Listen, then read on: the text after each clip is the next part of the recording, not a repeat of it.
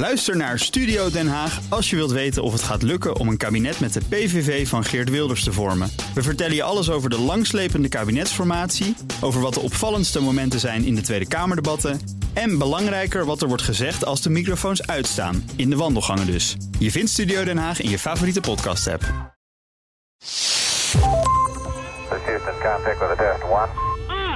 Touchdown confirmed. Microfoons klaar, mensen. Yes, test, test. Oké, nou, welkom allemaal dan bij een nieuwe Space Cowboys, aflevering nummer 107. Ik zit hier met Nick Poelstra. Hi. Hey, hoi, en Mark Heemskerk. Hey, goedemiddag. En mijn naam is Thijs Roes.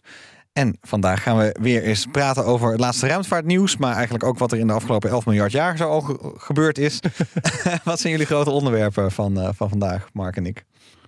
Nou, het, eh, we gaan eens eh, beginnen. Eigenlijk politiek. Eh Er is een, eh, eindelijk weer eens een keertje een innovatie- en ruimtevaartdebat geweest in de Tweede Kamer. En er zijn wat toezeggingen geweest over de budgetten en over de, over de toekomst eh, vanuit Nederland naar de ruimtevaart toe. Heel goed. En eh, daarnaast eh, hebben we nog weer wat eh, SLS-nieuws. Zoals altijd. SLS nieuws als in geen SLS nieuws. Ja, ja, precies. Mark? Maar eh, nee, extra geld klinkt wel goed. Dus Ja. Want met een eh, bedrijf in de ruimtevaart eh, is geld altijd wel een... Zeker, altijd Een welkom. dingetje, ja. precies. Wat, Nee, ik, wat is jouw groot onderwerp? Ik had eh, wat oud nieuws eigenlijk, Mhm. ehm, ergens. Want ze hebben het oudste zonnestelsel ooit ontdekt. Eh, eigenlijk in onze achtertuin bijna gesproken, tenminste in astronomische termen. Op ongeveer 90 lichtjaar afstand hebben ze een eh, zonnestelsel ontdekt... wat eh, een ster heeft die waarschijnlijk ongeveer 10,8 miljard jaar oud is. Oh, nou, daar gaan we zo eigenlijk direct mee beginnen. Dan tease ik nog even. Ik ga het hebben over een investeringsbedrijf uit Silicon Valley dat graag de ruimte wil gaan ontwikkelen. En dat klinkt, Ontwikkelen. ja, eigenlijk meer angstaanjagend dan hoopvol. Ja. In ieder geval in mijn geval. Maar daar wil ik het graag over hebben. Dus Mark, ik denk eh, dat we snel naar jouw eh, oude, naar jouw oude zonnestelsel eh, gaan. Wat what, what, what's going on? Ja, nou, dit, dit is eigenlijk bijna per toeval ontdekt. met het Gaia-instrument van, van de Europese Ruimtevaartorganisatie. Waar ze ja, een beetje in, in onze buurt aan het scannen waren van ons melkwegstelsel. En naar toen- sterren. Naar sterren, inderdaad. En toen vonden ze dus inderdaad een, eh, een witte dwerg. Dat is eigenlijk eh, het, het, het restje wat overblijft nadat je een hele supernova hebt gehad. Dan, dan stort het grootste deel van de, de buitenste laag eigenlijk van zo'n kern, eh, van zo'n ster, die, eh, die stoot zich af. En dan heb je de, de relatieve zware heliumkern, hou je vaak over. En dat is dan de, de witte dwerg. Ehm, en daaromheen hebben ze dus ook nog planeten ontdekt. Dat, Wat? Oh, oh, serieus? Ja, Dus iets gaat supernova. en dan zijn er nog steeds wat planeetjes over. Eh, Die dus in, inderdaad een beetje in die, die supernova-wolk zeg maar, eh, zitten. En een deel van de planeten wordt dus eigenlijk eh, aangevallen, opgegeten, deels door die ster. En komt dus ook weer in die neutronenster terecht. Wauw, als een soort soep. Eh, het trekt Eh, deze oude pla- planeten ja. naar zich toe. Ja, een beetje wel. En eh, kijk, uiteindelijk uh, onze ster, uh, onze zon, die gaat uiteindelijk ook supernova. Uh, die zal dan in ieder geval Mercurius, waarschijnlijk Venus en misschien uh, een deel van de aarde ook wel stuk maken. In Gaat geval, hij supernova? Hij gaat niet supernova, toch? Uh, sorry, hij gaat niet supernova. Nee, een, een, een red giant. Weet Ja, het? een rode, hij wordt een rode reus. Ja. Precies. Een Hij rode ontploft niet, hij, meer als een kaars. Hij wordt wel, uh, wel heel groot. Ja. Nou, en uh, uiteindelijk uh, neemt hij daar dus een deel van de planeten, kan hij zich uh, ook weer bij zich in opnemen. En hebben ze dus ook gekeken naar eigenlijk de, de verschillende elementen die dus in deze ster zouden zitten. En toen zijn ze erachter gekomen dat er ook wat, uh, wat zwaardere elementen in moeten zitten. Uh, waaronder silicium, ijzer, zuurstof. Eigenlijk een beetje de, de hoofdcomponenten die we ook uh, hier op aarde hebben. En dat leidt dan tot de conclusie dat er misschien al bijna 11 miljard jaar geleden dus al planeten konden ontstaan met een vergelijkbare compositie zoals de aarde. En die zijn dan dus nu te traceren in die oude. Die zijn nu dus dan zon. te traceren eigenlijk in de witte dwerg. opgenomen erin of zo. Of ja, voor, voor een deel. uh, ja, het, het, verschroeit letterlijk een, een, vrij deel van de planeet. En dus een, een, een deel daarvan dat zal dan inderdaad ook uh, terugvallen naar de, hun zon. Dus, Dus dat zou met de aarde ook kunnen gebeuren. Dat wij uiteindelijk ja. onderdeel worden van, van wat er over is gebleven van de zon. Ja, denk het. Ja, dat, dat we branden op en langzaam we, we, worden een wolk. Een, een, een, grote verschroeide aarde, uh, uh, misschien een levende hel, of wat is het? Een echte hel. ja, precies. Ja, de, de, ja, de reële hel. over uh, 5, 5,5 miljard jaar of zo ook wel aliens uh, die naar onze zon gaan kijken en dan bedenken van hé, hey, hier uh, heeft een, een rotsachtige planeet omheen gezeten. Ja, wat een hoop silicio Het, zit erin. Ja, precies. Zoals wij nu dus eigenlijk bij, even kijken hoe heet het? WDJ 2147-4035. Ah, prachtige ja, Prachtig. Ja. Mooie naam. Heel poëtisch. Ja, ja. precies. Maar wat, uh, dus het roept wel een hoop vragen op ook. Ten eerste, oké, okay, dus een, een zon van 11 miljard jaar in ons melkwegstelsel, in de melkweg. Ja. Dus dat, ja, dat hoeft niet. Of hij komt uit een ander melkwegstelsel, dit, deze zon.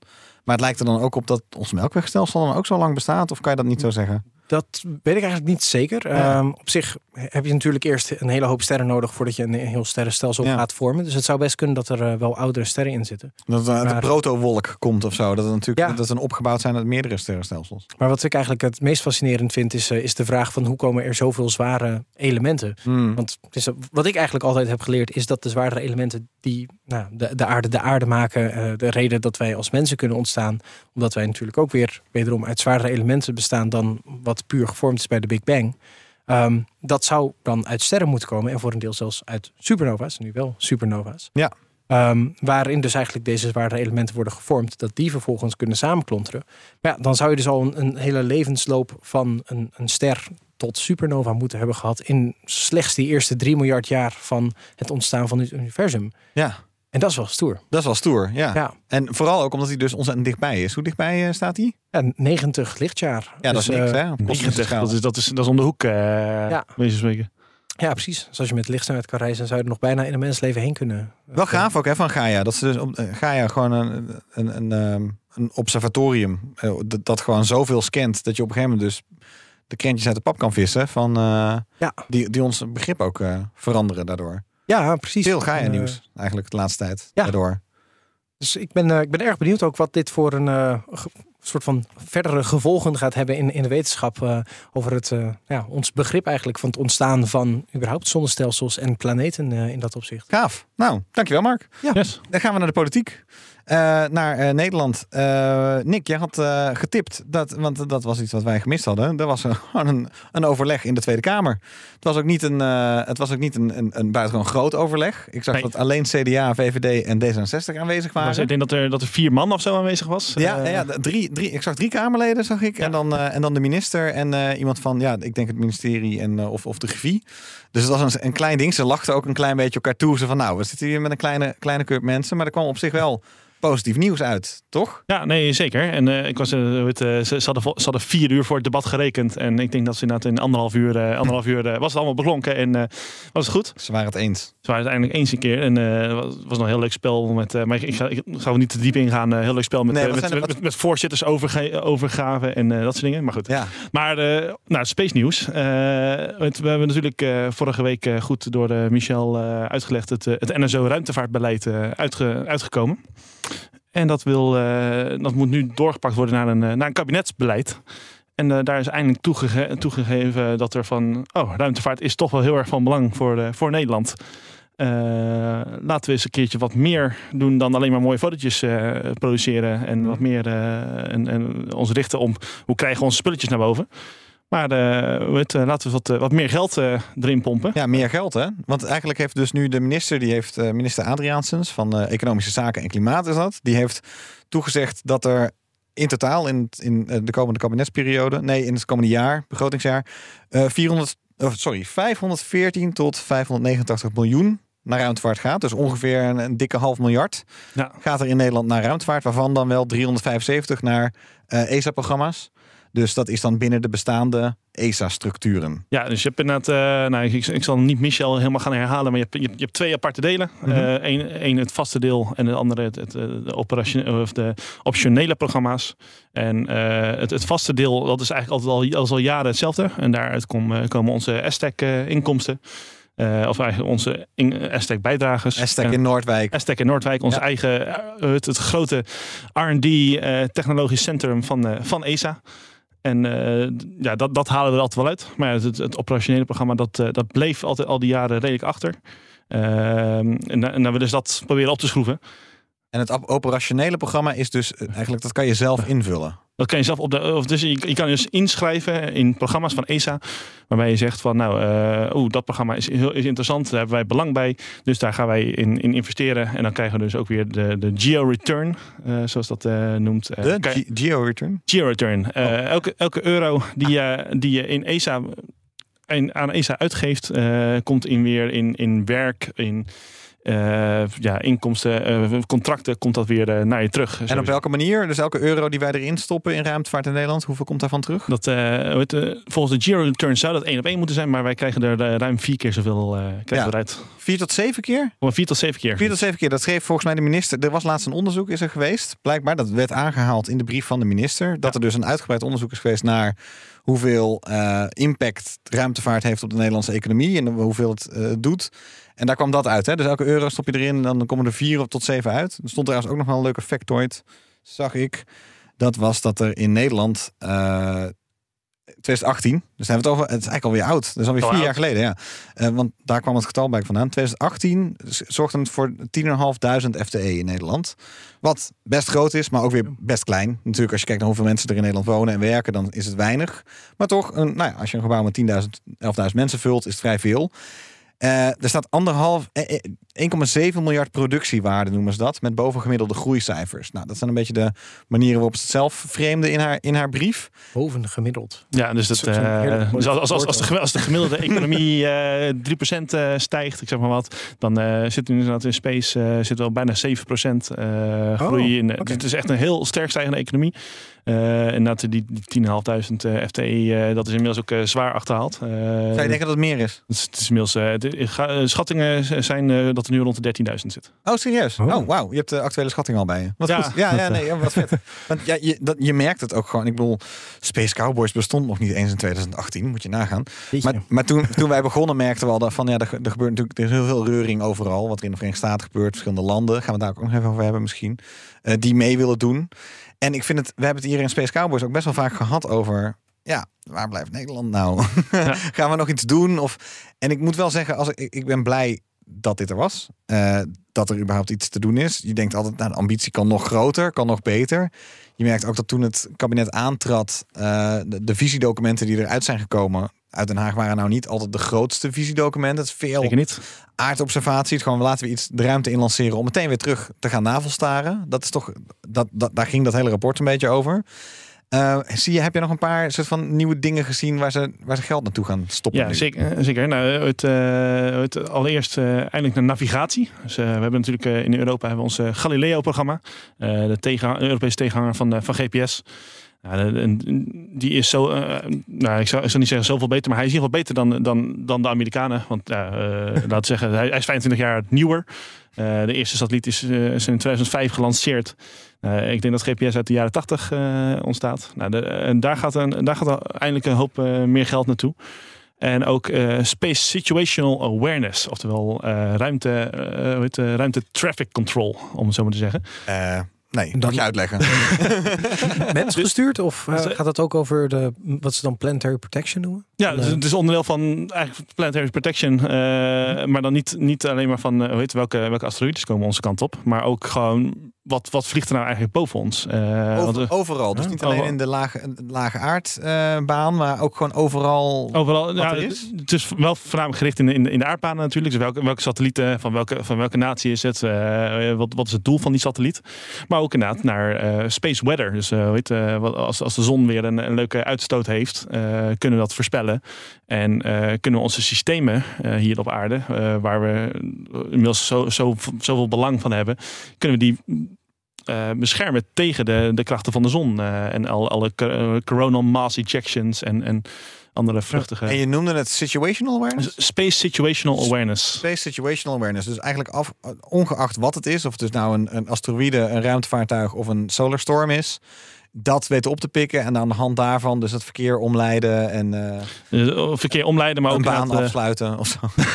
ja, precies. vanuit de, de, de waarschuwing, eh, voornamelijk wordt het nu vanuit NORAD. Eh NORAD is de, de, de eh, Amerikaanse defensiesysteem. Die, die stuurt naar elke operator een, eh, gewoon een bericht van er is zoveel procent kans dat, dat jij in botsing komt met vaartuig X of asteroïde X. En ik, ja, misschien moet je eens een, een, proberen een burn te doen om uit, uit de weg te komen. Interessant. Ehm, dat doet NORAD dus op dit moment. En eigenlijk Ja. wordt er gekeken, kan Nederland hier een bijdrage in leveren in, in ESA-verband dan? Ja, ineens van inderdaad een, een, een eigen Europese ziet een eigen Europese NORAD. Ja, gaaf. En eh, ook iets, eh, er was ook een tijdje geleden iets over te doen, lasercommunicatie. Dus uh, lezercommunicatie, eh dat is inderdaad eigenlijk al een groot programma opgezet vanuit, vanuit een groeifonds. Dat is meer de innovatie en, en defensie. Ja. Is een beetje, ja, de, de meningen zijn een beetje over verdeeld dat, dat de minister dat nu meeneemt in, in het, in het space budget. Is dat TNO die gelobbyd heeft? Ja, een TNO, eh, T- een TNO en een consortium eromheen. Ja, die daar hoog op in willen zetten. En ja. nu dit bij elkaar gelobbyd hebben, zodat wij het ook nu weer over hebben. Ja, precies. en het is dus inderdaad, eh voor mij, eh, als ik het goed heb, eh, 70 miljoen eh, uit, uit een groeifonds. Die gaat nu naar lasercommunicatie toe. Ja. En, eh, 76,4. dus, Kijk, je, Ja. hebt, je hebt de details, heel Ja, mooi. dat komt, komt dus inderdaad uit het groeien. Want het wel interessant, ook in Nederland is er een soort publiek deel en een defensiedeel, om het zo maar te zeggen. Een soort onderzoeksdeel en een, en een defensiedeel. Dus ik zag dat het groeifonds, wat een wat algemener eh, eh, fonds is waar gewoon innovatie uit betaald wordt in Nederland. Daar zijn dus een paar elementen uitgekozen die dus ruimtevaart zijn. Dus waaronder dus inderdaad die, die laser-satellietcommunicatie. En inderdaad, ik lepel hier even op uit dat document. is dus 76,4 miljoen. Dat komt dus inderdaad uit het groeifonds. En dan uit de ruimte, de, de Defensie Ruimteagenda. eh, komt ook nog eens 25 tot 100 miljoen beschikbaar. Maar dat is ook nieuws. Dat komt deze maand pas uit. Wat, wat, wat dat nou precies wordt. Dus Ja. er is blijkbaar een Defensie Ruimteagenda. Die, die komt er nu voor het eerst. Eh, blijkbaar. Ik was uit de Defensie Ruimtevaartagenda. Daar, daar is ook eh, lang voor gelobbyd van, nou, stel nou eens, weten, de Amerikanen hebben natuurlijk, eh, hebben natuurlijk hun Space Force. Ja, ik heb net de Nederlandse Space Force komt Maar eraan. de- die, eh, die komt er inderdaad. Of eh, die, die, is er, die is er al een beetje in, eh, ondergebracht onder de, lucht, eh, onder de luchtmacht. Maar ook eh, net zoals in de Amerikanen wordt, eh, wordt, die daar, wordt die ook hier in Nederland wordt die steeds groter. Dus Ah. eh, ze hebben, ze hebben nou, stel maar eens een keertje eindelijk een, een defensie-ruimtevaartagenda op. En gewoon een algemene ruimtevaartagenda op. Wat nu ook voor het eerst. eh, wat nu eh, minister Adriaans inderdaad heeft, heeft gezegd van. aan de, gevraagd aan de NSO. Op basis van jullie ruimtevaartbeleid dat jullie vorige keer hebben ge- gepu- gepubliceerd. Stel eens een ruimtevaartagenda op voor periode 23-25. Eh, en dan kunnen we ons beleid misschien daarop aanpassen. En hopen dat we nu wel de, eh, de BNP-regels halen van ESA. Ah, op die manier. Want die haalden we niet. Nee, want we zitten nu nog. eh, we hebben ongeveer, eh, als ik het mijn hoofd zeg, eh, 4,4% zijn we onderdeel van ESA. Eh, terwijl we maar iets van 2% aan bijdragen aan de optionele programma's. Eh, dus daar, eh, daar is nog wel ruimte voor eh, verbetering. Dus onze bevolking is 4,4% van eigenlijk de totale ESA-bevolking, om het Ja. zo maar te zeggen. Maar we betalen maar 2% mee. Klopt. Interessant. Terwijl ik, wat ik altijd zo ja, filosofisch, eh, cultureel relevant vind voor Nederland. We zijn toch gewoon een, een, een, een, een, natie van zeevaarders en van. Ja, noem het ontdekkingsreizigers of militaire koopmannen.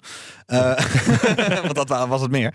Ja. Eh, maar er ligt toch heel duidelijk. eh, ja, sky is the limit. eh, is niet de limit. Eh, die grap komt voor jou volgens mij, Nick. Ehm, Klopt. ja, precies. Eh, er, valt gewoon zoveel te doen, ook als Nederland. Wat meer is dan alleen maar lenzen en observatie. Maar de vraag is volgens mij ook, daar, daar denkt het kabinet dus ook over na. Van ja, waar zet je dat nou slim in? Dat is een beetje de. Want we kunnen ook niet alles doen. We hebben natuurlijk een paar hele sterke observatietradities. Via Astron en eigenlijk en, nou ja, tot, tot aan Christian Huygens terug, zeg maar. Ehm, waarbij eh, je ziet dat er daar eigenlijk vrij veel ontwikkeld is. Maar dat het inderdaad als het gaat om het meedoen aan de machines die daadwerkelijk naar buiten gaan, is heel minimaal, toch? Dat is Ja. niet.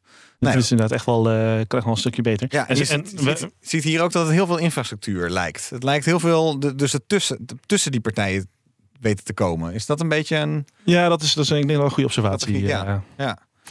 Nou goed, dus nou, wat dat betreft eigenlijk is het wel meer Nederlands ruimtenieuws dan dat we echt lang in lange lange tijd in Space Cowboys überhaupt hebben kunnen melden. Ook. Ja, daarom. Ik- Dus ik ben, er, ik ben er blij mee. En ik, Ja. ik, ik ben heel benieuwd waar de, waar de ruimtevaartagenda gaat, naartoe gaat leiden. Ja. Eh, misschien weten andere landen ons tijdens de ministerie- ministeriële conventie eh, volgende maand in, in Parijs eh, nog een beetje te, te, te, te, te verleiden om nog, nog, wat meer de, nog wat meer op te geven. Ja, en volgens mij ging zelfs in het debat erover van gaat ze nou zelf, de minister, of stuurt ze een vervanger? En, eh, Oh. eh, want dat was nog niet helemaal duidelijk volgens mij of zo. Maar ja, goed, dat, Nee. dat, als je een vervanger stuurt, dan is het meteen al, eh, ja, dan, nou, doe je alweer wel- minder mee, zeg maar. Terwijl die over 1, 2 weken is. Ik weet even niet precies de datum Ja. meer, maar volgens mij ergens midden november. Helder, ja. Eh, en het laatste feitje wat ik nog niet helemaal helder had, en ik weet ook niet of jij dat hebt, dus misschien moeten we dat voor tot de volgende keer bewaren, is dat mij niet direct duidelijk werd hoeveel meer geld er nu naar ruimtevaart ging. Want ze noemden niet heel duidelijk de oude cijfers, en om dat uit te zoeken, daar kwam ik gewoon niet aan toe. Nee, nee Dus, eh, ik, dus ik, ik, dat, ik, ik heb het ook niet helemaal duidelijk, maar het is wel. Eh, ja, het? we noemen net al het groeifonds en de dingen. En daar wordt wel wat, gaat steeds meer naar ruimtevaart. Maar echt een, een ruimtevaartbudget, die is al redelijk, die is stabiel. Eh, het, zoals Michel vorige eh, het, weken geleden uitlegde, kunnen, hebben we nu op, zitten we nu op een budget waarbij we in de ESA-programma's kunnen blijven, maar we kunnen eigenlijk niet echt groeien. Eh, En eh, om echt te groeien is eh, het, een onderdeel van die vijf- 500 miljoen eh, die je noemde. Daarvan is eigenlijk maar 170 miljoen voor die optionele programma's. Dat nieuwe. Ja. En, dat, eh, en dat, die 170 miljoen die zou naar ongeveer 400, 440 miljoen eh, toe moeten. Willen we echt eh, ja, weer, weer een beetje mee kunnen doen eh, binnen, binnen Europa en binnen de wereld eigenlijk. Nou, mooie start, keer vier Ja. dus. Ja. Ja, toch? Oké.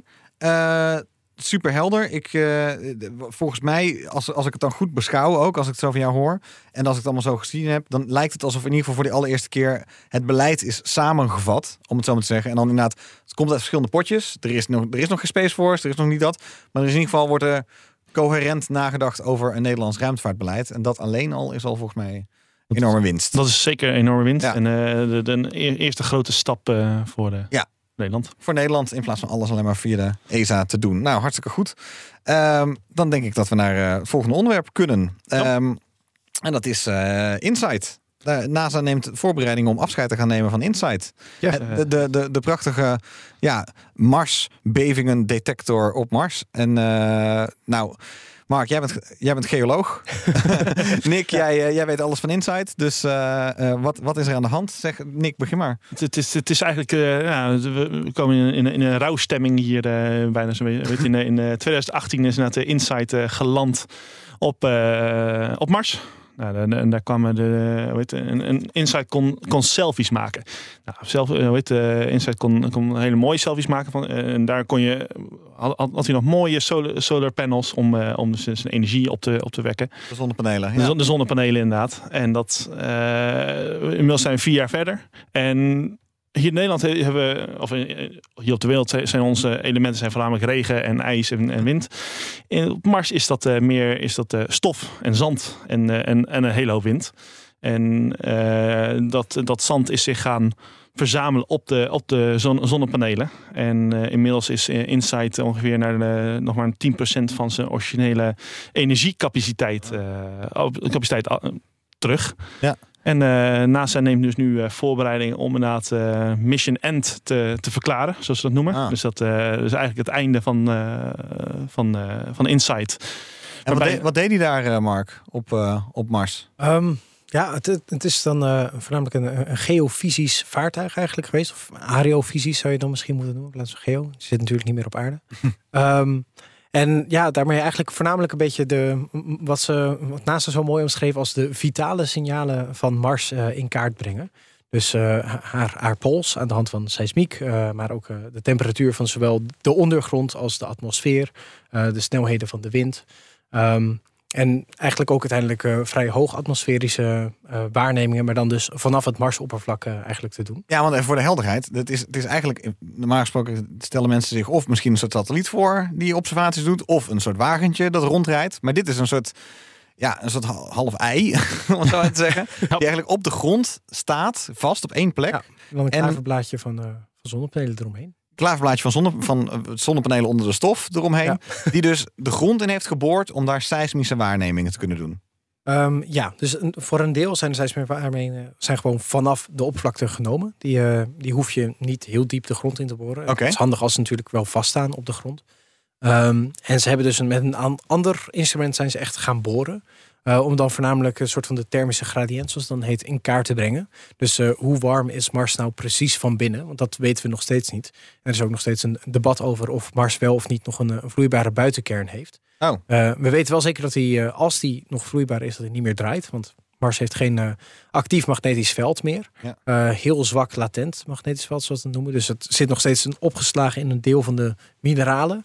Ehm, maar waarschijnlijk is dat al ruim 3,5 miljard jaar geleden gestopt eigenlijk eh, met werken. Maar het zou dus eh, in ieder geval fysisch gezien mogelijk zijn dat Mars nog steeds een vloeibare buitenkern heeft. Maar dat de thermische gradient eigenlijk zo laag is. Dat uiteindelijk de, de hele reden dat de, de buitenkern zeg maar, zo rond gaat dwarrelen. Of eh, convectie gaat hebben, zeg maar. Is om sneller meer warmte af te kunnen voeren. Uiteindelijk zou het nu zo zijn dat dan de binnenkern, dus het, het vaste deel van de kern, zeg maar, genoeg is afgekoeld. Dat het puur met eh, conductie, dus gewoon geleiding eigenlijk van, van warmte door de vloeibare buitenkern heen, dan nog steeds alle warmte kan afvoeren. Mhm. Hij beweegt niet meer en dus... eh, eh, En dus het is geen magnetisch veld. Dus- Maar ja. we weten nog steeds niet precies. We hebben geen goede schatting eigenlijk van hoe warm het nou precies is. En heeft in het Insight, daar dan, eh, heeft Insight daar dan Eh, insight aan gedaan? Ja. Eh, helaas niet zoveel. Dus ehm, dat, dat, dat boorapparaatje, dat, dat heette volgens mij gewoon MOL. Ehm, hebben ze dus mee geprobeerd inderdaad te, boren. En eh, nou, zoals ik eerder ook al zei, het is uiteindelijk een beetje vastgelopen. Dus op een gegeven moment eh, is, is dat ding gewoon vast komen te zitten. Toen hebben ze geprobeerd te kijken van waarom komt hij nou vast te zitten. Eh, zeker ook omdat ze uiteindelijk maar een soort van gelimiteerd aantal klopjes konden geven, zeg maar, op de soort van klopboor. Ehm, en toen hebben ze dus een, een discussie gevoerd van gaan we hem nu proberen eruit te halen en daarmee een deel van de energie verspillen? Gaan we gewoon meer klappen geven totdat hij nog dieper de grond inkomt? Of laten we hem gewoon voor nu even zitten? Eh, uiteindelijk hebben ze hem eh, geprobeerd wat schuiner te plaatsen en dat ze hem onder een, eh, een hoek nog verder doorheen konden gaan. Maar dat is uiteindelijk niet echt gelukt. Dus volgens mij wilden ze iets van 3,5 meter diep komen en zijn ze nog geen 2 meter diep gekomen. Ah ja. Dus dat is ja, wel jammer, want daarmee kunnen ze dus eigenlijk niet de metingen doen die ze echt precies hadden willen doen. Oh, is het dan maar een half succes geworden, Eh, deze missie? Mol in ieder geval, dus het, het, het, het boorgedeelte zeg maar, dat is eh, ja, een, een matig succes eh, uiteindelijk. Dus ze zijn wel echt de grond ingekomen. Ze zijn ook door de, de zogenaamde Douri-crust heen gekomen. Het is een soort eh, secundaire soort van eh, kristalkorst die zich bovenop eh, het oudere zand kan vormen. Dat, eh, dat vinden we op aarde soms ook wel eens. Dat je ja, in, de, in de bergen dat je soms een beetje witte afspoelingen over eh, grotere gesteenten heen hebt. Uh, en ja, zo'n soort korst die kan gewoon heel erg hard zijn en soms ook heel erg dik. Vanwege Uh, UV-licht of zo? Of wat, uh... Uh, nee, dus voornamelijk door vloeibaar water Oh. dat dit ontstaat. Oké. Dus, en dat hoeft dan niet per se vloeibaar water te zijn zoals wij normaal denken, zeg maar. Het is niet echt een, een, een plas van water, maar het kunnen gewoon hele kleine druppeltjes van water zijn die zich ergens in zo'n steen bevinden als die maar net warm genoeg wordt. En daarmee kan dus een deel van mineraal eigenlijk uit het moedergesteente worden opgelost en vervolgens weer op een andere plek worden afgezet. Um, en zo kan je dus dit soort korsten vormen. En dan is het wel weer het vervelende dat dat soort korsten er ook weer precies voor zorgen dat je een soort isolatielaagje bovenop de planeet hebt. Waardoor dus deze hele geothermische gradiënt, waar we dus zo naar op zoek waren, of areothermische gradiënt denk ik dan, um, die hebben we dus net niet helemaal goed kunnen zien. Dus dat is, uh, ja, jammer. Inside 2. Maar ik, nou, dat, dat is natuurlijk alleen maar mol. Maar we hebben natuurlijk wel Insight, uh, de, de, de, de, seismo, de seismometer. Uh, ja. Die heeft wel heel veel data weten te, te verzamelen. Meer dan gedacht. Meer Oh, dan gedacht. cool. Uh, we, we, hebben natuurlijk Insight is in november 2018 geland. Nou, dus we zijn er nu in november 2020, 2022. Dus in vier jaar tijd heeft, heeft Insight 1300 Marsquakes, dus Mars, Marsbevingen um, gemeten. Ja. Waarvan, de, waarvan de zwaarste met, een met een magnitude 5 uh, was. Is dat hetzelfde als op de aarde? Dat, is, uh, dat ga ik even vanuit wel. en uh, het, het, het, naast, naast de Marsbevingen he, heeft hij ook zelfs een aantal asteroid, meteoroid impacts, oftewel meteorieten impacts ja. kunnen meten. en dat is wel, dat is wel, dat is wel was zo belangrijk, en blijkbaar zo belangrijk voor NASA dat, dat ze nu ze hebben alle instrumenten, dus ook, ook MOL, en al, uh, hebben ze allemaal uitgezet om maar energie te besparen. Uh, maar die, die seismometer, die staat nog steeds aan. en zelfs de safety, of de, de, de veiligheidsmarges in, voor, voor die seismometer om uit te schakelen onder een bepaald energiepercentage, dat hebben ze eerder uitgezet dan de seismometer zelf. -hmm. dus ja. Ik heb een fact, fact-check op de Mars versus aarde. Uh, dus wat in uh, een, een, magnitude 5 earthquake, earthquake uh, aardbeving is in Nederland, of in, op de aarde gewoon, gewoon een normale medium aardbevingen. Maar in, op Mars, staat hier, um, is wat wetenschappers denken dat het de upper limit is. Dus de bovenlimiet Oeh. voor een beving. Dus ze hebben de zwaarste beving gemeten die ze dachten te kunnen meten. Dus dat is wel interessant. Okay. Ja. Nou, en dan plus het die meteoriet, meteorietinslag. Als je dan dus die twee dingen bij elkaar optelt. Oké, okay, dus sommige successen, sommige ja. halve successen. Dan, nou, dat is dan toch wel mooi. Want het ja. was ook een, een nieuw soort, het was een nieuw soort uh, missie eigenlijk ook op die manier. Ja. Met zo'n uh, met zo'n stationaire observatorium.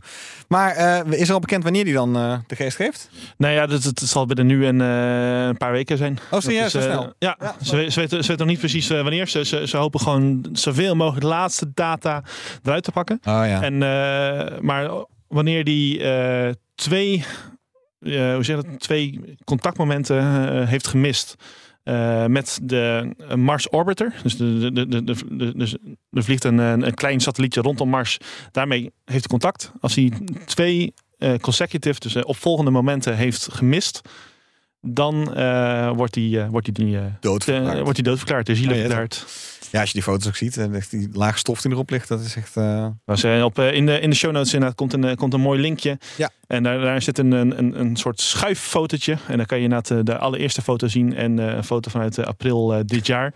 Nou, dat is inderdaad eh één, grote, één grote stofbende. Op, Ja. eh, Ja, het is toch echt een probleem. Dan moet je toch... Ja. Zou het dan Wat- niet makkelijker zijn om gewoon een, een soort van ruitenwissertje mee te nemen? ru- ruitwissertje of, of, of een blowertje. Of, eh, dat gewoon, even gewoon eraf blaast. Precies. Ja. Ja, dat zou toch echt geen een, engineer. Dus, een eh, ontzettend duur ding toch hebben kunnen fixen. Wat, Ja. Met zoiets simpels, zou je denken. Dat zou je denken. Wat, eh, nou, eh, wat, ze wel, eh, wat ze dan wel zeggen, ze, ze gaan na die, eh, als hij dus twee, twee contactmomenten heeft, heeft verloren, dan gaat de, de, de deep space eh, eh, missies, eh, die, die gaan nog steeds wel naar luisteren. Hmm. Want misschien is er een kleine kans dat, eh, dat er een eh, orkaankracht wind eh, eh, alsnog eh, die bladen schoonmaakt. En dat hij dus weer de energie kan opwekken. En dan kunnen ze de hele missie gewoon weer, eh, weer opnieuw starten. Dus Ja. eh, hij wordt eh, te dood verklaard, maar hij kan nog eh, eh, resurrecten. Ja, en regen wordt niet verwacht. Nee.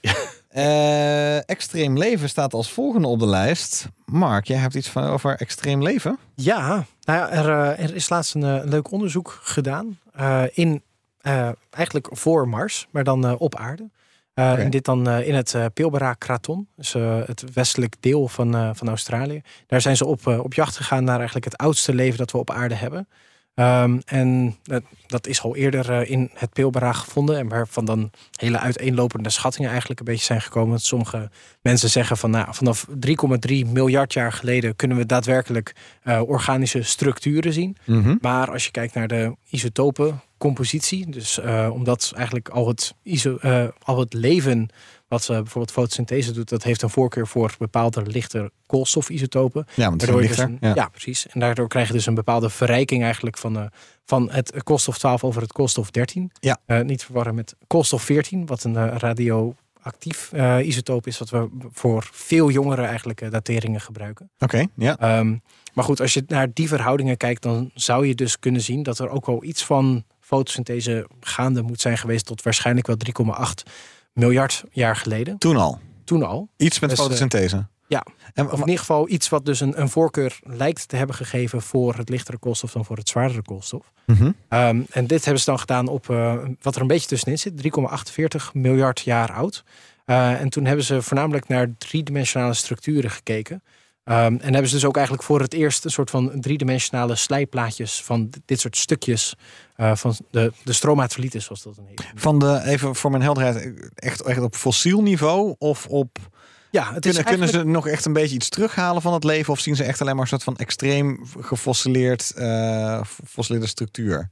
Eh, ja, eh, het, is, je, je kan niet het leven zelf eigenlijk zien. Zien, Dus het, het, het wordt eh, dit, soort stromatolieten. Ze bestaan ook vandaag nog. Een soort Stromatolieten. van, van cyanobacterie-achtige dingetjes. Die dan een soort slijmlaagje creëren. En uiteindelijk wordt dat slijm dat wordt in, de, in nachtperiodes of in donkere periodes weer een soort van opgegeten. En daarbij wordt er een kalklaagje eigenlijk aangemaakt. En dat kalklaagje dat kan je dat dan weer gebruiken eigenlijk om ja, vormen in te zien. En dat eh, geeft een soort ja, platte bloemkoolachtige vormen. Ah, dus de kalk is eigenlijk overgebleven. Ja. Eh, en vervolgens weer volledig verweerd eh, Ja. en weer opnieuw aangepast. ah ja. Wat ze hier dus eigenlijk hebben gedaan, juist omdat ze dus driedimensionaal aan het kijken waren. Juist omdat je dus niet duidelijk meer echt het, het skeletje kan zien. Dus die, die kalklaag zelf, die is gewoon al lang weg. Die is verweerd, die is omgezet.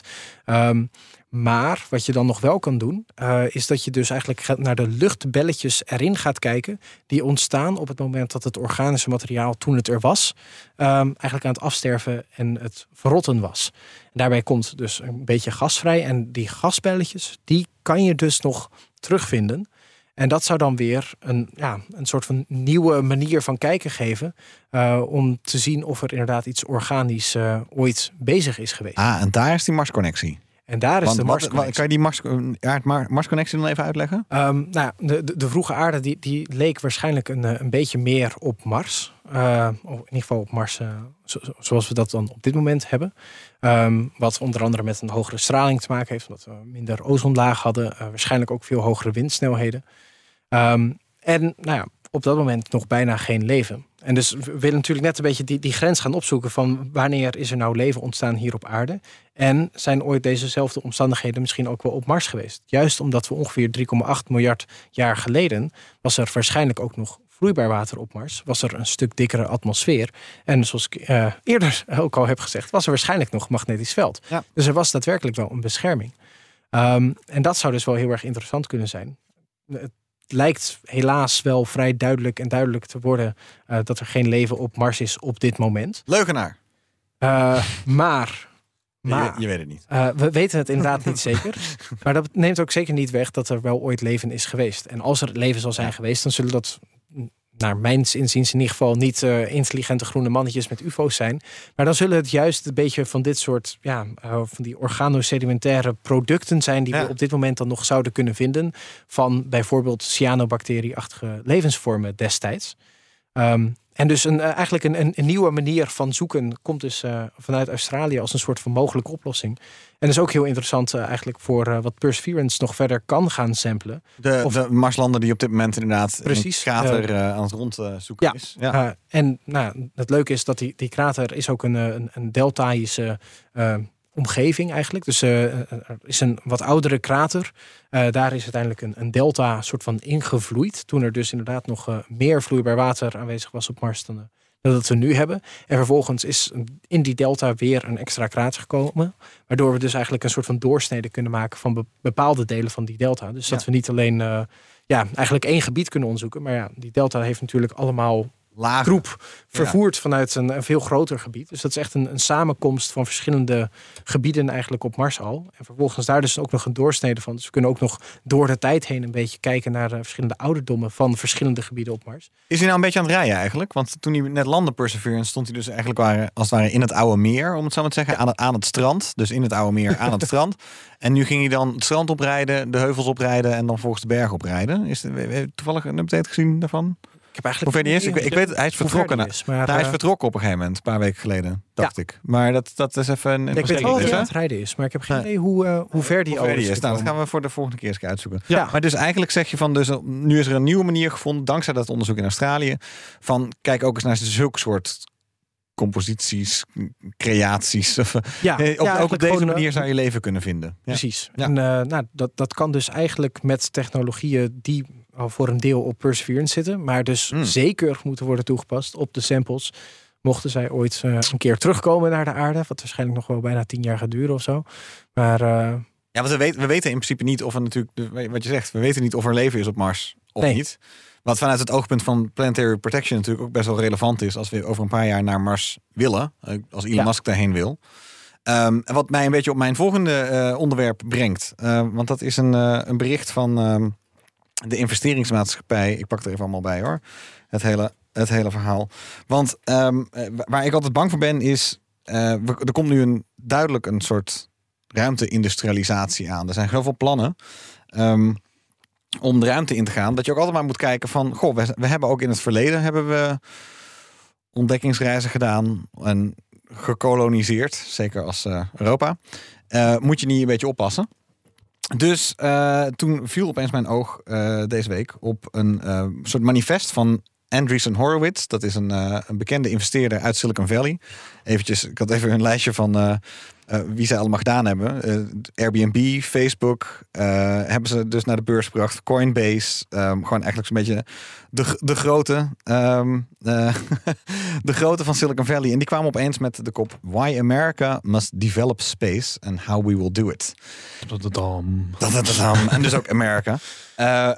De Verenigde Staten hebben natuurlijk altijd, en zeker in Silicon Valley, zeker in Californië, altijd het idee dat, ze, dat er als het ware nog iets over de horizon ligt, wat nog bekeken moet worden, ontwikkeld moet worden. En dat is natuurlijk ook een beetje in de mens. Maar als Silicon Valley het gaat doen, dan ben ik toch een klein beetje een klein beetje huiverig. Ehm, omdat mij onduidelijk lijkt wat. Is iedereen alleen maar vanuit ontwikkeling aan het denken? Want dat, wat zou ik zeggen? Develop, develop space. Ehm, dan denk ik echt aan een soort nieuwe woonwijk die ontwikkeld wordt hier aan de rand Ja. van de stad. Met, met dus eigenlijk geen enkel ontzag voor bijvoorbeeld het verhaal dat jij nu net verteld hebt over wat er allemaal nog voor een ancient dingen wel niet zouden kunnen liggen. Mhm. maar hier zit heel veel geld. dus ik denk dat het relevant is als An- eh, en eh, Horowitz zoiets zegt. Eh, ze hebben het over reaching new frontiers, want dat hoort er natuurlijk bij. Breaking into new worlds, nieuwe recurring voyages. Want hun punt is eigenlijk een beetje dit. Kijk, toen Columbus naar de, naar, op zoek ging naar, eh, naar Indië, toen heeft het vervolgens nog dikke 50, 100 jaar geduurd voordat er daadwerkelijk iets op gang kwam. En dat zie je met de maan nu ook. Ja. Dus wat zij zeggen is, we moeten eigenlijk niet te veel alleen maar kijken naar, oké, gaan we of naar de maan of gaan we naar eh, Mars of hoe doen we dat? We moeten eigenlijk de hele infrastructuur eromheen gaan ontwikkelen. En dat bedoelen ze met die development. Van we moeten eigenlijk zorgen dat we ehm, bij wijze van spreken, als wij de graafmachines, de snelwegen en de, en, en, en de hijskranen creëren, dan, Mhm. dan gaat de ontwikkeling vanzelf. Dus ze hebben het opgesplitst in eh, eigenlijk vier eh, verschillende soorten activiteiten die eh, nu ontwikkeld moeten worden. En ze hebben het het een beetje over die, over die aankomende missies. Dus Artemis-missie, eh, mogelijke missie naar Mars. Communicatie, nou die is duidelijk. Dus voice, broadband data, cloud en deep space network horen er allemaal bij. Mhm. Mobility, dus dat is eigenlijk hoe kom je er, maar ook navigatie hoort daar ook bij. Launch vehicles, outposts, dus inderdaad gewoon een poort die je ergens kan hebben. Ja. Eh, multi-orbit logistic vehicles en landers, die horen er allemaal bij. Dus dat is de mo- mobility. Multi-orbit logistics vehicles. Dus, dus eigenlijk, dat zou bijvoorbeeld zoiets als ehm, eh, multi-orbit logistic vehicles. Dat zou bijvoorbeeld het, eh, het ruimtestation zelf kunnen zijn. Dus ja, Een, eh, een, een transfer orbit van, van low Earth naar, naar, naar, naar geostationary. En, en ja, een soort ja, van, bijvoorbeeld een eh, overstap. Een overstap. van eh, Uber die je dan vanaf het ISS naar de Lunar Gateway kan nemen. Of Nou, zo, eh. Ja, de Lunar Gateway zelf is bijvoorbeeld denk ik een multi-orbit logistics vehicle. Want Ja, die, maar kan, die zit maar ma- in één orbit, toch? Dus, eh, Oh, zo'n- op die manier. Ik zou, ja, ik weet niet hoe high altitude. Interessant. eh, ik ja. zou denken gewoon, hij gaat maakt meer dan een orbit. Dus hij is orbital. En in plaats van dat hij als het ware ergens heen gaat, oh, zo. eh, ja. is hij daar gewoon. Zo, zo interpreteer ik hem. Maar dat, dat, dat, zou op. inderdaad. Dan vond ik de servicing en assembly wel een hele interessante. Als dus de derde eh, grote sector die ze, die ze voor ogen hebben.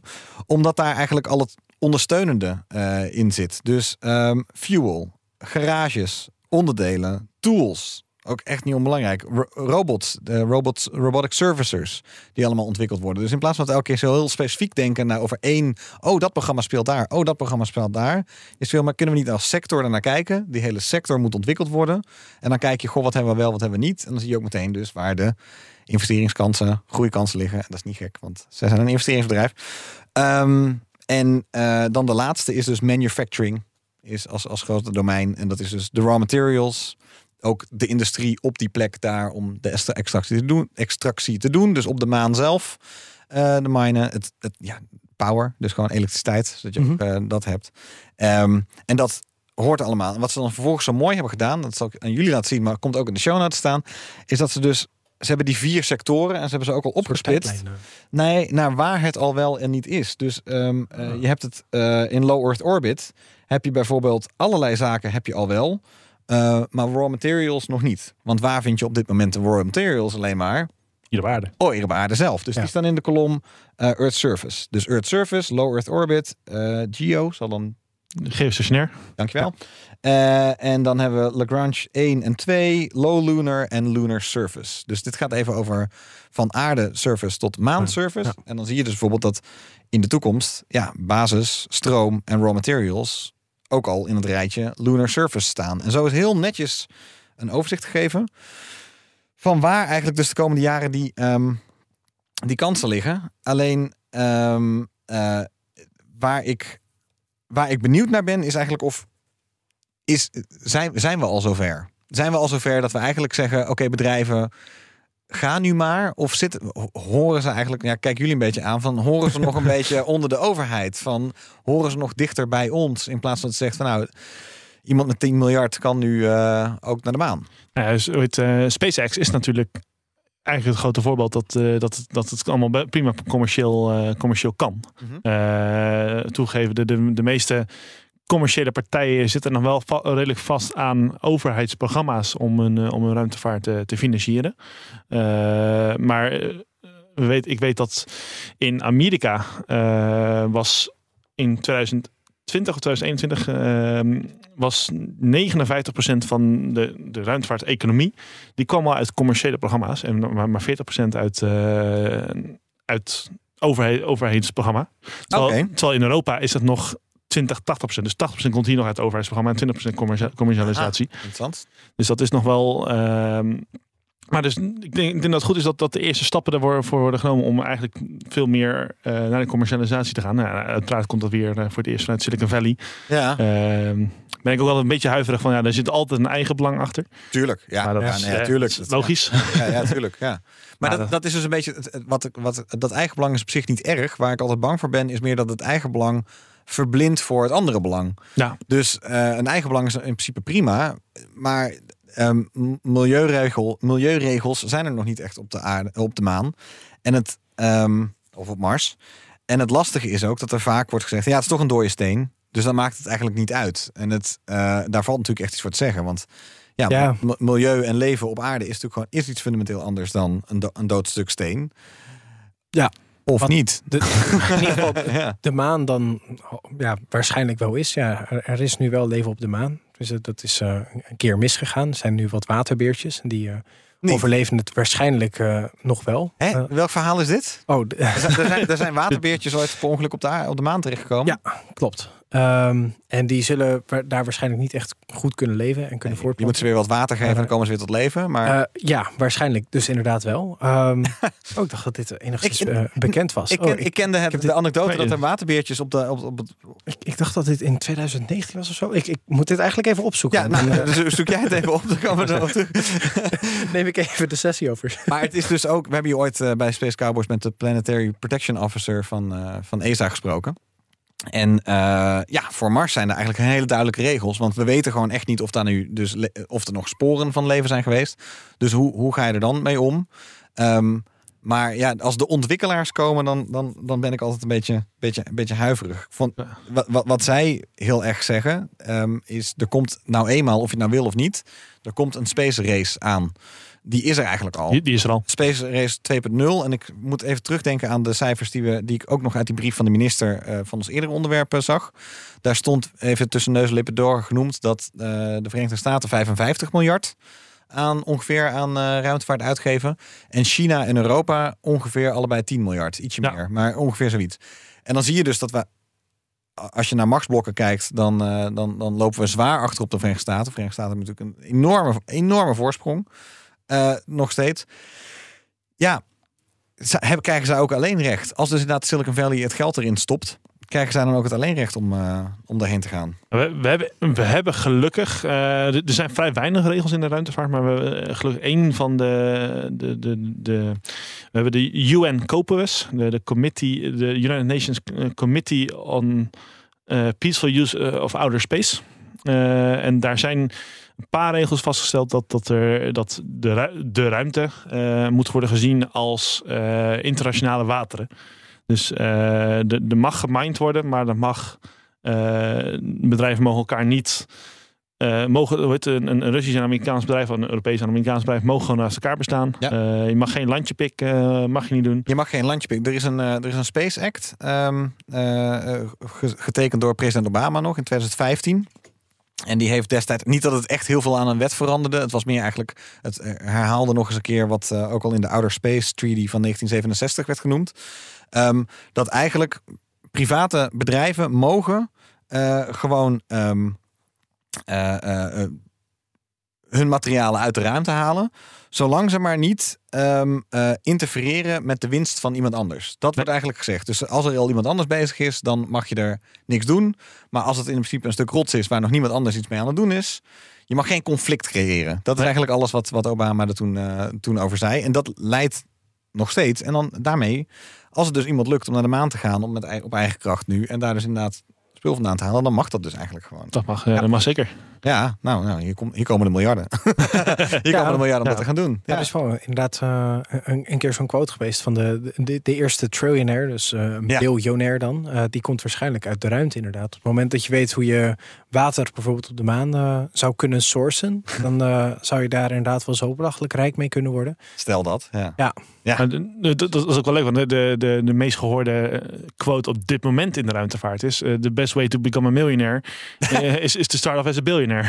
Ja, dat, ja, precies. Ja. Ja. To become a millionaire in space, you have to start as a billionaire. Ja, precies. Ja. Dus dat, dat, zou, dat, zou, dat, meteen die wereld compleet, eh, compleet om zijn kop, eh, op zijn kop gooien. Ja. Maar dat, Precies. Nou ja, en, en nu is het dus eigenlijk even volgens mij wachten op daadwerkelijk ehm, ja, een paar technologische doorbraken als hernieuwbaar, eh, herbruikbaarheid in de ruimte. Dus wat SpaceX aan het doen is, denk ik. Mhm. En dan komt dit er wel aan. En als je dan dus ziet dat Europa meer geld aan het uitgeven is en China natuurlijk ook gewoon, ja, we weten de, half, de helft van de tijd weten we niet precies waar ze mee bezig zijn. Maar dat de ambitie heel groot is, dat weten we wel. Ehm, dan zie je gewoon dat, dat er komt gewoon een nog steeds verdere vlucht aan. Alleen eh, ja, de vraag is nog eh, hoe en wat en waar. En, en, en vooral door wie en onder welke omstandigheden. Dus eh, hou dat in de gaten, Andreessen Horowitz en wat zij allemaal willen. Want ze ook nog even een laatste punt erover. Ze zijn ook heel duidelijk why America needs to do it. Ja. dus ze zijn ook heel duidelijk. America first. America first, ja. En, Ja. Ze, ze doen het ook wel voor de meerdere eer en glorie van eh, de Verenigde Staten. Dus eh, Ja. daar valt mee te concurreren. Dan hebben we nog eventjes, we hebben nog een, paar minuutjes. Eh, We, kunnen nog even wat SLS-updates en SpaceX-updates doen. Dat doen we zo meteen. Maar er Eerst zijn- even voor de luisteraars terugkomen op, op de waterbeertjes die misschien leven op de maan. Ja. Ehm, het was inderdaad in 2019, eh, april, eh 11 april, toen eh, de Israëlische Space Agency eigenlijk eh, voor het eerst eh, geland is op de maan. Eh, iets te hard. Oh, toen, die, ze- ja. Precies, Ja. Dus ja. die hebben we Ongeveer, eh, hier, ja. ja. Bijna 8000 kilometer per uur te hard of zo, terwijl ze aan het landen waren. Ja. Ehm, maar goed, die zijn uiteindelijk dan wel gecrashland, eh maar wel op de maan geland. En daar zaten dus inderdaad eh, waterbeertjes aan boord. Eh, en daar was inderdaad nog wel wat gedoe over. Want nou, eh, afhankelijk van hoe die impact is verlopen, heb je dus ook kans dat je die waterbeertjes dus over een paar eh, honderden vierkante kilometers uit hebt gesmeerd. In plaats van dat je ze in een, eh, een soort library, wat ze van plan waren, om een soort van een, ja, een, een naslagwerk voor de toekomst, een soort tijdscapsule, zeg maar, achtig iets, wilden ze daarop doen. Ja, Ja, dus nu gaan ze op de maan in het gras. ze hebben daar tussen onder andere wat, wat, wat boeken en wat, eh, Oh ja. wat, wat films en zo eh, opgezet. Ehm, vergelijkbaar wat ze eigenlijk met die, eh, met die Roadster van Tesla hebben Ja. gedaan toen die in een baan rondom de zon werd gebracht. Eh, daar zat namelijk ook een, een soort DVD-achtig pakketje in waarin de boeken van Asimov eh, Ja. op stonden. Ja. Ja, zoiets wilden ze nu dus ook doen. En dan dus onder andere met waterbeertjes. Ehm, Maar ze hebben dus niet goed de boel schoongemaakt. n- nee, en nu is dus inderdaad een beetje de vraag: hebben de waterbeertjes überhaupt de crash overleefd? Ja, tuurlijk. Ze kunnen natuurlijk heel veel hebben, maar goed, zo'n harde crash, dat, eh, dat kan lastig worden. Ehm, en het, het zal in ieder geval niet zo zijn dat ze weer gaan leven. Daarvoor heb je echt eh, en een atmosferische druk en vloeibaar water nodig. Waterbeertjes staan erom bekend dat ze het vacuüm van de ruimte hebben overleefd. Maar Ja. dat betekent niet dat ze in de Dat ruimte ze- kunnen leven. Dat Precies. is wel iets anders. Ja, eh, en daarnaast, dat vond ik ook nog wel grappig in de, dit eh, Wired-artikel dat ik dan even snel heb gevonden. was een van de bazen van de Israëlische Space Agency dan ook van. ja, maar wij zijn in ieder geval niet de eerste die DNA hebben achtergelaten. Want dat waren natuurlijk de Amerikanen die hun, eh, hun poepzakken gevriesdroogd en wel eh, gewoon op de oppervlakte van de maan Ja, dat is waar. Daar zijn ook bacteriën. Dus wat dat betreft- zit er al wat, eh, wat leven op de Het, maan. het begint te leven Ja. op de maan. Ja, hebben de waterbeertjes de poep wel gevonden. En wat dat betreft, dan kunnen ze een heel eind komen, denk ik. Maar, ehm, het, het was even, goed, e- even een, een kort lijstje van... Want we hebben niet zoveel tijd meer. We, we hadden nog als reserveonderwerp dat er ook nog andere landen bezig zijn om... ik, dat wilde ik even contrasteren met wat Amerika en Europa en China aan het doen zijn. We hebben een paar nieuwe landen die erbij zijn gekomen. Schotland gaat eh, op de Britse eilanden een nieuwe basis bouwen. Ehm, eh, voor een polaire baan wordt het dan. Ja. Maar is ook al iets van het derde of vierde initiatief daar. Dus ik wil het er niet lang over hebben. Dus ik moet even kijken hoe dat gaat lopen. Ja. Maar jullie hadden ook nog andere landen. Nick, was Eh, jij dat? Nee, dat was, Nee. eh, was ook Mark. Maar, ja, dat was ik. het? Ja. Ehm, dat onder andere Zimbabwe en Oeganda. Die hebben afgelopen week hun eerste satellieten allebei gelanceerd. Nee, wat goed. Ehm, Ja. Dus dit zijn nu eh, ja, twee nieuwe spacefaring nations eh, die we eraan toe kunnen voegen. Gaaf, en want daar als- ging het te lang over. Ja. Ja. Ja. En ze, ze zijn, ja, het- zijn nanosats, dus het zijn eh, ja, he- hele kleine dingetjes. Maar goed, het zijn wel echt hun satellieten. En eh, ja, die hebben ze dus eh, lokaal ook op de universiteit daar gewoon ontwikkeld in de hoofdsteden. Ja. Ehm, en daarnaast gaat Oman binnenkort ook eh, voor het eerst de ruimte in. Met hun eerste satelliet. Eh, die wordt iets groter. En dat wordt als het goed is, eh, volgens mij komende vrijdag, eh, 11 november, zou die gelanceerd moeten Oh worden. ja, wat goed. Dus dat, eh, ja, dat zijn gewoon eh, eigenlijk in één week tijd drie landen erbij. Dan zie je dat het toch ja, internationaler wordt. Dus, het, wordt, het wordt alleen maar, wordt alleen maar groter. Ik, weet, eh Bahrein, Slowakije eh, Oh ja. hebben ook allemaal ambities om. Satellietjes, eh, cu- CubeSats, nanosats inderdaad eh, te lanceren. Over dingen die eh, gelanceerd hadden moeten worden. Gesproken. Oef. Hoe eh, gaat het eh, ondertussen in eh, Florida? eh op Cape ja, Canaveral? eh, de, de, de SLS, de SLS. Artemis 1. Ja, voor degenen die het niet gevolgd hebben. De raket van eh, de Verenigde Staten die al jaren de lucht in moet en maar niet wil. Nee, en, En, dat, eh, eh, iedereen heeft bier en whisky ingezet op... Gaat, gaat Starship van SpaceX nou als eerste in een baan om de aarde? Of gaat SLS het doen? En Ja. waar, hoe, hoe, hoe rennen de paarden op dit moment? Op dit moment, weet, was 3 september, 3 september was, was, de laatste, was de laatste mogelijkheid, was de laatste kans. Nou, sinds- sindsdien heeft hij- Poging ook wel een de laatste, beetje. laatste Ja. poging inderdaad. Nou, dat- die is mislukt. En eh, in de tussentijd he- he- heeft hij even een tripje heen en weer naar het eh, Vehicle Assembly Building, het, het, het FAB-gebouw gemaakt. En eh, sta- hij, staat nu, hij staat nu wel op de pad. Dus hij Eh, staat weer klaar hij voor staat, hij eh, staat weer klaar eigenlijk. voor de, en uit mijn hoofd zeg ik eh, 14, eh, 14 november. Eh, Nou. zou, zou, die, zou die moeten lanceren. Oké. Of is, is weer de eerste poging. 14 tot 16 november. eh, een paar, paar launch windows. Eh, maar het, eh, het stormt weer in, eh, in Amerika. En, en dat. er komt een enorme orkaan aan. er komt een enorme orkaan die komt eraan. Oh jee. En Tropical Storm Nicole. Kijk, En het will strengthen into a hurricane before it... Ja, dus het wordt nog een orkaan. Het is op Ja. dit moment een eh, storm. En hij staat daar. En hij mag, mag je daar staan? Ik bedoel, kan, Eh, kan die een orkaan aan? Het, het, het- dat, dat, eh, dat kan die in principe aan. Volgens mij tot orkaankracht 3 zou die moeten aankunnen. Dus dat, eh, dat is redelijk veilig. Maar het waait inmiddels al wel weer te hard om hem heen en weer eh, te rijden. Dus mocht er een noodgeval zijn dat, dat hij terug moet naar, naar het eh, Vehicle Assembly eh, gebouw. Dan eh, daar waait het inmiddels wel te hard voor. Oh jezus. En, eh en er is- er is kans dat hij, dat hij eh, langere tijd op de, op, hoe heet het, op de pad moet, eh, moet, moet staan. En dat, dat is weer kwalijk voor de certificering. Want eh, ook op eh, 9 en 14 december eh, verlopen de, de, de, de, verloopt de certificering van de, de, de, de linker en de rechter booster. Eh, dus mocht hij, mocht hij nu de, het november window niet halen, dus dat hij daar in november, december nog staat, dan eh, moeten die eh, opnieuw gecertificeerd worden, geanalyseerd worden. En eh, als, als, als dus voor langere tijd onnodig op de pad staat, dan wordt die analyse en de kans dat, dat die boosters herbruikbaar zijn, of no- nog bruikbaar zijn, wordt, wordt steeds kleiner. En nu was er vorige week een Falcon Heavy lancering. Ja, En, en Starship gaat ook steeds verder. De vraag blijft maar: waarom, waarom, ook, waarom ook weer SLS? Wat, eh, wat was ook weer de. Tegenwoordig is het gewoon echt. Dat ding moet gewoon de lucht in, zodat eigenlijk een hele generatie aan rakettenbouwers in de VS. Eindelijk eens met pensioen kunnen. Zo lijkt het eigenlijk eh, een beetje. Eh, Ja. Want, want, nou ja. Ik hoop natuurlijk op het beste. Eh, ik zeggen, ja, we, we hopen het ook. we Het- ook. Is natuurlijk, eh, we willen allemaal weer terug naar de maan. Eh, en wordt natuurlijk ook mooi verkocht als, eh, als eh, weer, eh, weer een tripje terug naar de maan toe. Maar volgens mij is het, eh, eh, ja, je merkt gewoon aan alles. eh, Er was nog budget over van de, van de shuttles. Eh, hoe gaan we dat budget eens opmaken? Nou, dat is gelukt. Ja, Budget- budget is goed, goed opgemaakt. Dus echt hebben ze goed gedaan, ja. Ja. Ehm, nou, en dan eh, ja, wat betreft eh, Starship. ehm, wat dat betreft ook, is wel heel, dat heb ik ook al vaak gezegd. Een jaar geleden was ongeveer al de verwachting dat hij voor de kerst zou vliegen. Ehm, nu is de verwachting daadwerkelijk, dank na- van NASA, dat hij voor de kerst gaat vliegen.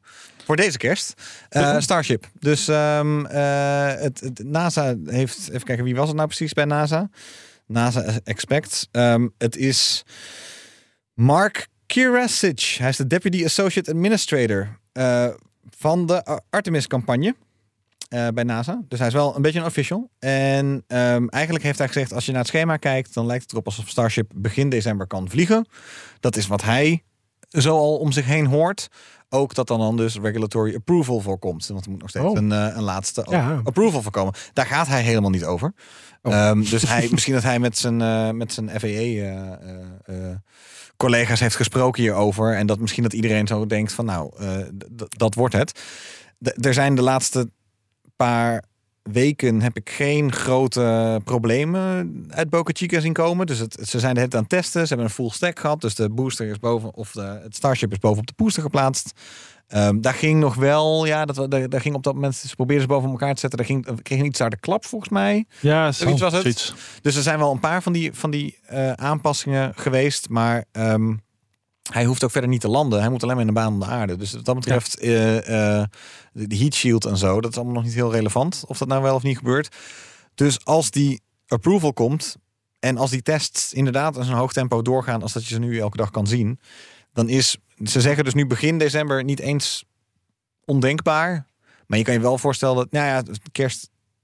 Niet of, ze, of SpaceX de mensen met de kerst. eh, daar houdt. Je mag het ook hopen van niet. Het- is wel Elon, hè? En Ja. daarom, het is dus wel Elon, dus ja, je weet, je, je weet het niet. Maar het, er komt wel iets aan daar. En ehm, ja. we hebben een watchparty al georganiseerd. Bij mij op kantoor. Hoef ik niet te hoog, niet echt te veel mensen zeggen, want er passen maar 15 man. maar enkele, een enkele is uitgenodigd. Eh, ehm, eh, dus het, het, het komt er wel aan. Maar ja, hebben we Ja. nog eh, geld ingezet erop? N- nog niet. Nog maar, niet. Nee? Moeten we een... ja, Een ik weet niet, soort voetbalpool. Ja, ja, Ja. een pool. Eh, As well as a Starship. Ik was even met, met, met, met, eh, Michel. eh, Michel heeft natuurlijk zijn, eh, zijn schoen eh, er nog Ja, op die, staan. ja, die heeft zijn schoenen op staan. Wat, maar wat had hij, had, hij, had hij nou gezegd? Volgens mij eh, dat eh, SLS niet dit jaar eh, nog de ruimte in gaat. Is dat zijn schoen Dat, eet? dat is zijn schoen. Dus als, als, als, als hij wel de ruimte in gaat, dan eet hij zijn schoen op. Oh, nou goed zo, Michel. dat is goed, goed nieuws voor hem. Hij, hij, hij schreef ook inderdaad van mijn schoen lives to see another day. Dus eh, Ja. hij, hij had zijn mes en vork nog niet tevoorschijn gehaald.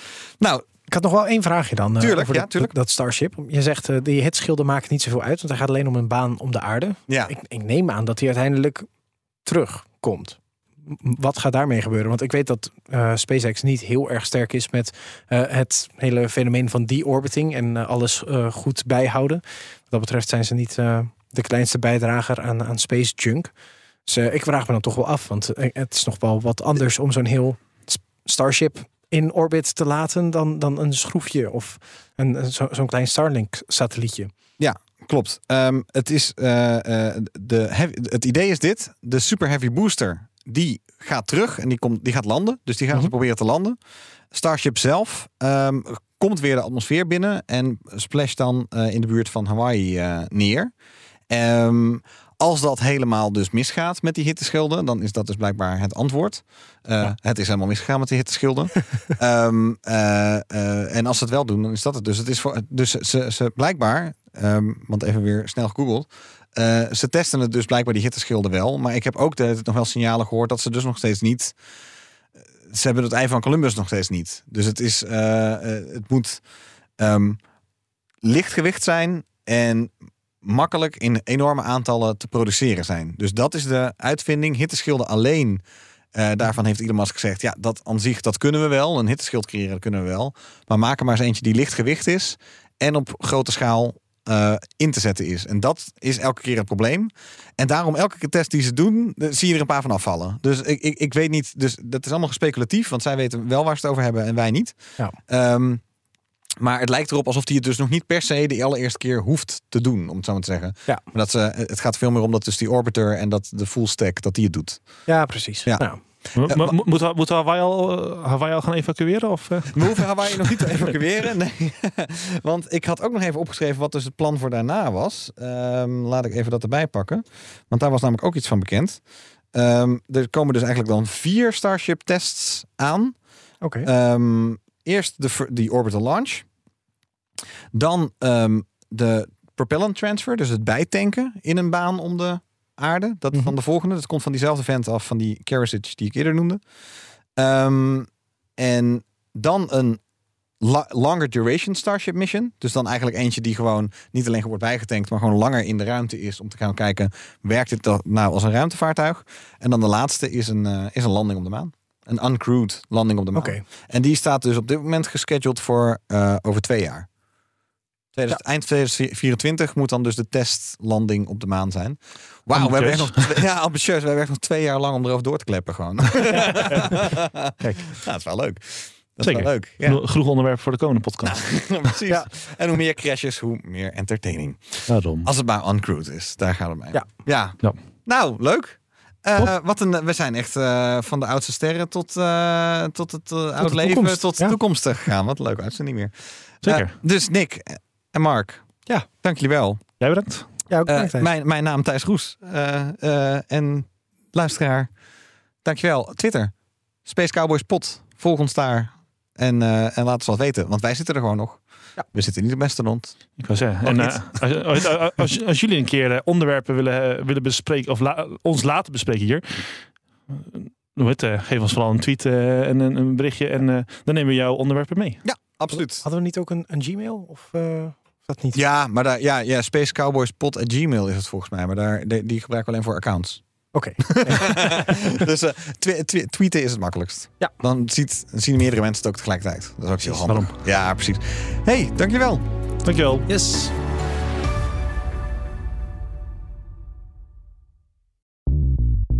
Bij BNR ben je altijd als eerste op de hoogte van het laatste nieuws. Luister dagelijks live via internet. Bas van Werven. En heel langzaam komt de zon op rond dit tijdstip. Je krijgt inzicht in de dag die komt op BNR, het Binnenhof in Nederland en de rest van de wereld. De Ochtendspits. Voor de beste start van je werkdag. Blijf scherp en mis niets.